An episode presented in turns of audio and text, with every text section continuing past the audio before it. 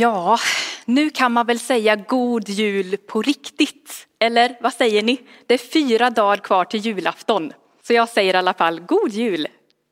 Jag vet inte hur det är för er, men i år så har jag och min man, eh, min man Samuel varit väldigt tidiga i våra julförberedelser. I år har vi i alla fall känt att vi verkligen har haft tid. Och vi bakade lussekatter och pepparkakor redan i mitten av november. Och sen tog vi fram adventsljusstakarna lite tidigare än vad vi brukar. Eller rättare sagt, när vi tog fram lådan med adventsljusstakarna och julpyntet, då gick barnen bananas allt skulle fram. Eh, det var änglar och julkrubban och julstrumporna och stjärnan och glittret och tomtarna. Vi brukar annars ta det lite i etapper, men så blev det inte i år. Det liksom sprangs kors och tvärs i hela huset och till och med på toaletten så har en liten ängel letat sig fram. Så, så är det. Men jag tänker att det är ändå lite härligt, för det är så mycket annat som har fått ställas in i år. Men julen, den kommer ändå och det tycker jag är fint. När jag hade bestämt mig för att predika för er den här dagen så sattes en process igång inuti mig.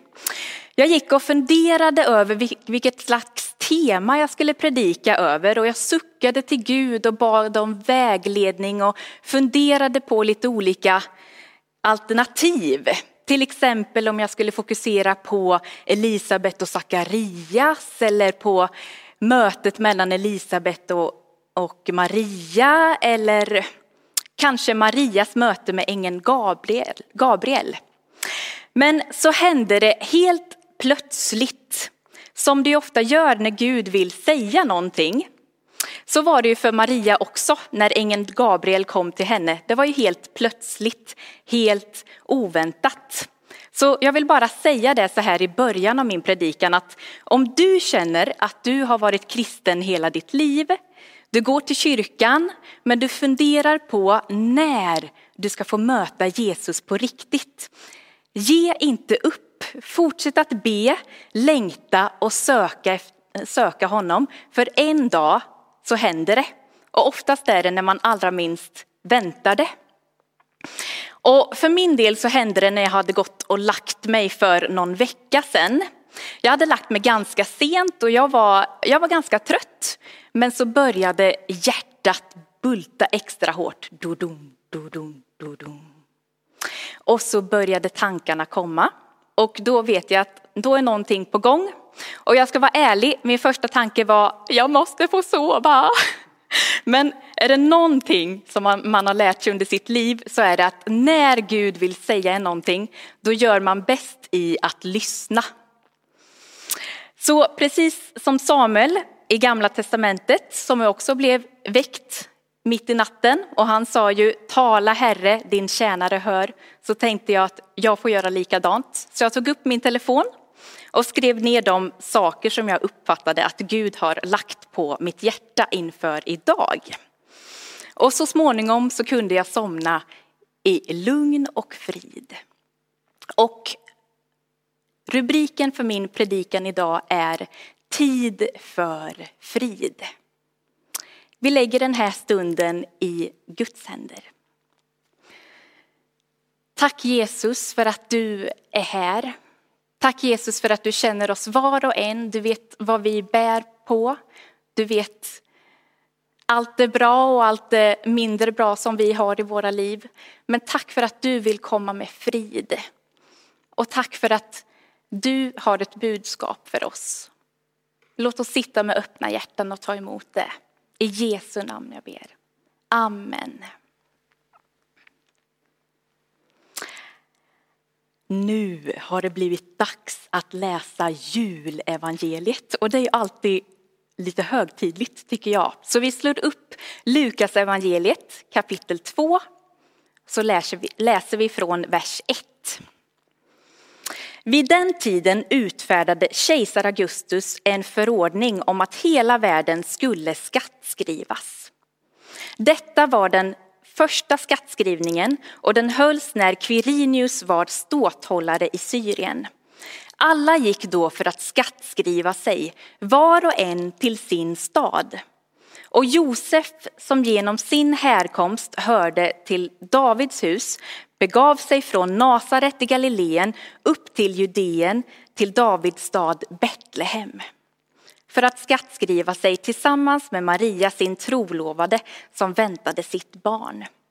Medan de befann sig där var tiden inne för henne att föda och hon födde sin son, den förstfödde. Hon lindade honom och lade honom i en krubba eftersom det inte fanns plats för dem inne i härberget. I samma trakt låg några herdar ute och vaktade sin jord om natten. Då stod Herrens ängel framför dem och Herrens härlighet lyste omkring dem och de greps av stor förfäran. Men ängeln sa till dem, var inte rädda. Jag bär bud till er om en stor glädje, en glädje för hela folket. Idag har en frälsare fötts åt er i Davids stad. Han är Messias, Herren. Och detta är tecknet för er. Ni ska finna ett nyfött barn som är lindat och ligger i en krubba. Och plötsligt var där tillsammans med ängeln en stor himmelsk här som prisade Gud. Ära i höjden åt Gud och på jorden fred åt dem han har utvalt. När änglarna hade farit ifrån dem upp till himlen sa hedarna till varandra, låt oss gå in i Betlehem och se det som har hänt och som Herren har låtit oss veta. De skyndade iväg och fann Maria och Josef och det nyfödda barnet som låg i krubban. När de hade sett det berättade de vad som hade sagts till dem om detta barn. Alla som hörde det häpnade över vad herdarna sade Maria tog allt detta till sitt hjärta och begrundade det. Och herdarna vände tillbaka och prisade och lovade Gud för vad de hade fått höra och se. Allt var som det hade sagts dem. Många av oss har hört uttrycket julefrid. Och nu tror jag att vi är många runt omkring i Sverige som, som längtar efter julefrid. Vi har jobbat och gnott på hela hösten och snart är det äntligen dags för lite julledighet. För många av oss är det i alla fall så. Man vill känna det här lugnet, man vill känna harmonin. Men är frid något som man endast kan ha under julen? Eller går det att få frid året om? Och hur i sådana fall? 700 år innan Jesu födelse så skriver profeten Jesaja så här i Jesaja bok kapitel 9, vers 6. Det är en profetia om Jesu födelse. Ty ett barn blir oss fött, en son blir oss given. På hans axlar vilar herradömet och hans namn är under, rådgivare, mäktig Gud, evig far och fridsförste. Så barnet som föds är fridsförste. Han som kommer med frid. Så frid har i sådana fall med Jesus att göra. Och i och med julevangeliet som vi precis läste så börjar Jesu frälsargärning. Den börjar i ett stall på julnatten och blir fullbordad på påskdagsmorgonen. Och det är det enligt Bibeln som gör att vi människor kan få en upprättad relation med Gud så att vi kan få frid med Gud. Men vad är då frid? Ja, frid, det är ju inte ett ord som vi i Sverige använder dagligdags precis. Fred däremot är ju lite mer vanligt. Och jag tänker att fred har med, det, med de yttre omständigheterna att göra. Och frid har med insidan att göra, hur vi mår på insidan. Och I Bibeln så är ordet frid ett stort och viktigt ord. Det hebreiska ursprungsordet för frid är shalom. Och jag tänker att vi är många som förknippar frid med inre ro. Men shalom betyder så mycket mer än vila och inre ro. Ordet shalom betyder att man är hel, helhet. Och när Eva och Adam levde i paradiset tillsammans med Gud, ja då var det shalom, då var det frid. Och frid med Gud, det är vad vi är skapade till. Men det räcker med att se sig omkring i vår värld för att förstå att den där friden som fanns från början inte riktigt finns där. Synden kom in i världen och brustenheten blev ett faktum. Så när Jesus föds i det där stallet i Betlehem, när han kommer till världen, så har han ett uppdrag och det är att återupprätta Guds frid igen. Men hur känns det då att ha inre frid? En person som enligt mig gestaltar den inre friden väldigt väl, det är Paulus. När vi läser om Paulus liv så ser vi att han kunde leva under vilka omständigheter som helst men ändå känna en tacksamhet och en glädje i sitt liv. Och den här tacksamheten och glädjen kände han på grund av att han hade frid. Han hade sin frid och sin glädje i Gud. Och Paulus var fast rotad i Gud. Han hade en klar bild över det andliga sammanhanget. Därför kunde han leva ett liv där de yttre villkoren förändrades och fortfarande känna glädje och frid i Gud. Och jag tror att många av oss, speciellt i Sverige 2020, bekymrar oss så mycket över det materiella, det ytliga, det yttre. Att vi liksom glömmer bort det viktigaste, den inre friden och friden med Gud.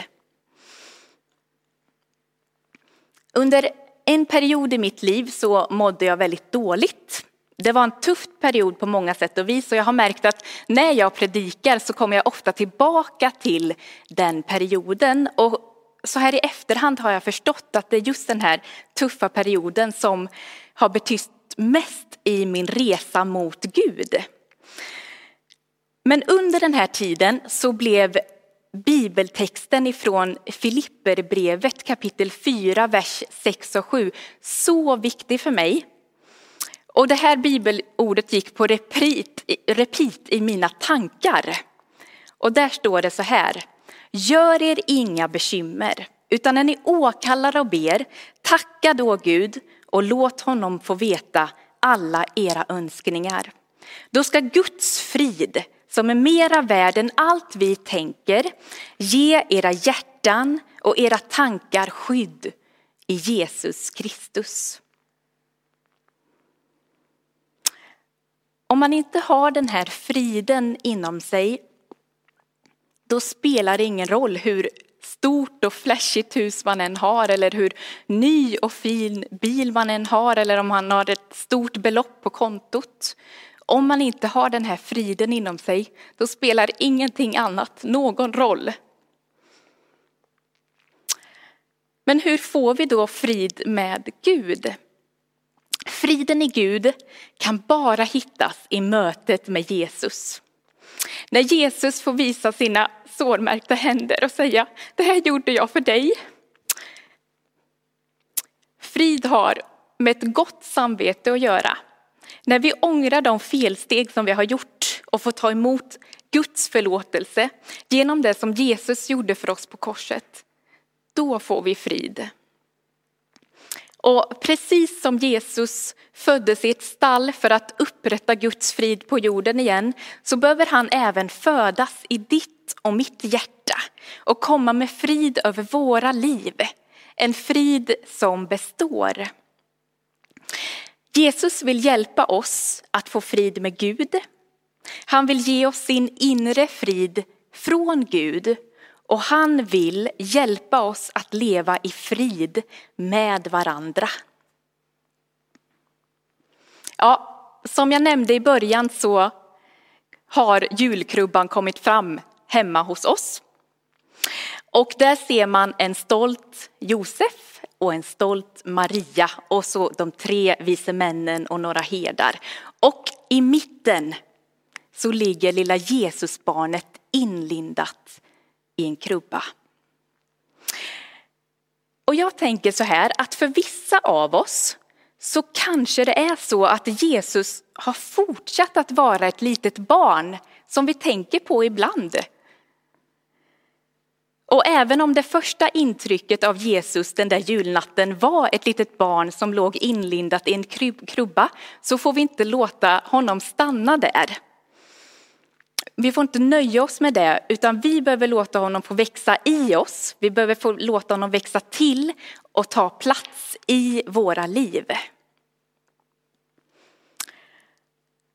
Till sist, i en julsång som Mikael Jälestrand sjunger som heter Han kom för ett kors så går en strof så här.